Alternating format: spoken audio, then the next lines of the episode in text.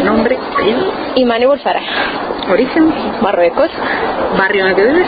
En San Cayetano. ¿Y qué edad tienes? 18 años. Bueno, ¿qué te motivó inicialmente a participar en este proyecto de Barrios Abiertos?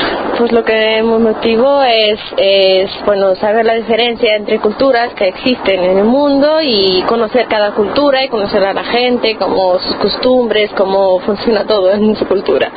¿Y en los talleres de audiovisuales qué has aprendido?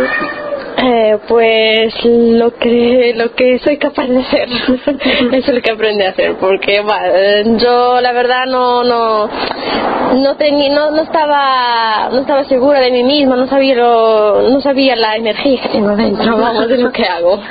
Eso fue no había tenido ningún contacto así previo eh, con cuestiones técnicas de cámaras de micros eh, sí estaba, estaba, nerviosísima que no que no al principio decía que no que no que no salgo que que me que estoy nerviosa que no.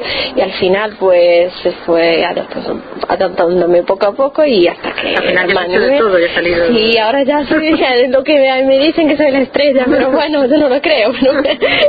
algo que te haya sorprendido más así de todo este proceso de ti o de tus compañeros pues de lo que lo que podemos hacer todos juntos en el grupo lo lo, lo animados que estamos todos lo que todo lo que hacemos lo contentos lo que bueno eh, ¿Y cómo percibes la integración de la gente de las diferentes culturas en tu barrio? ¿Crees que está integrada de verdad o que harían falta más iniciativas para que conociéramos mejor todas las diferentes culturas?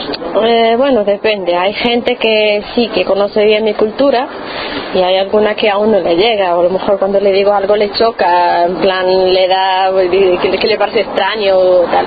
Pero yo creo que hay, que hay de todo. Hay gente que conoce mi cultura y algunos que no. ¿Y qué os gustaría transmitir a través de estos vídeos que estáis grabando para el documental?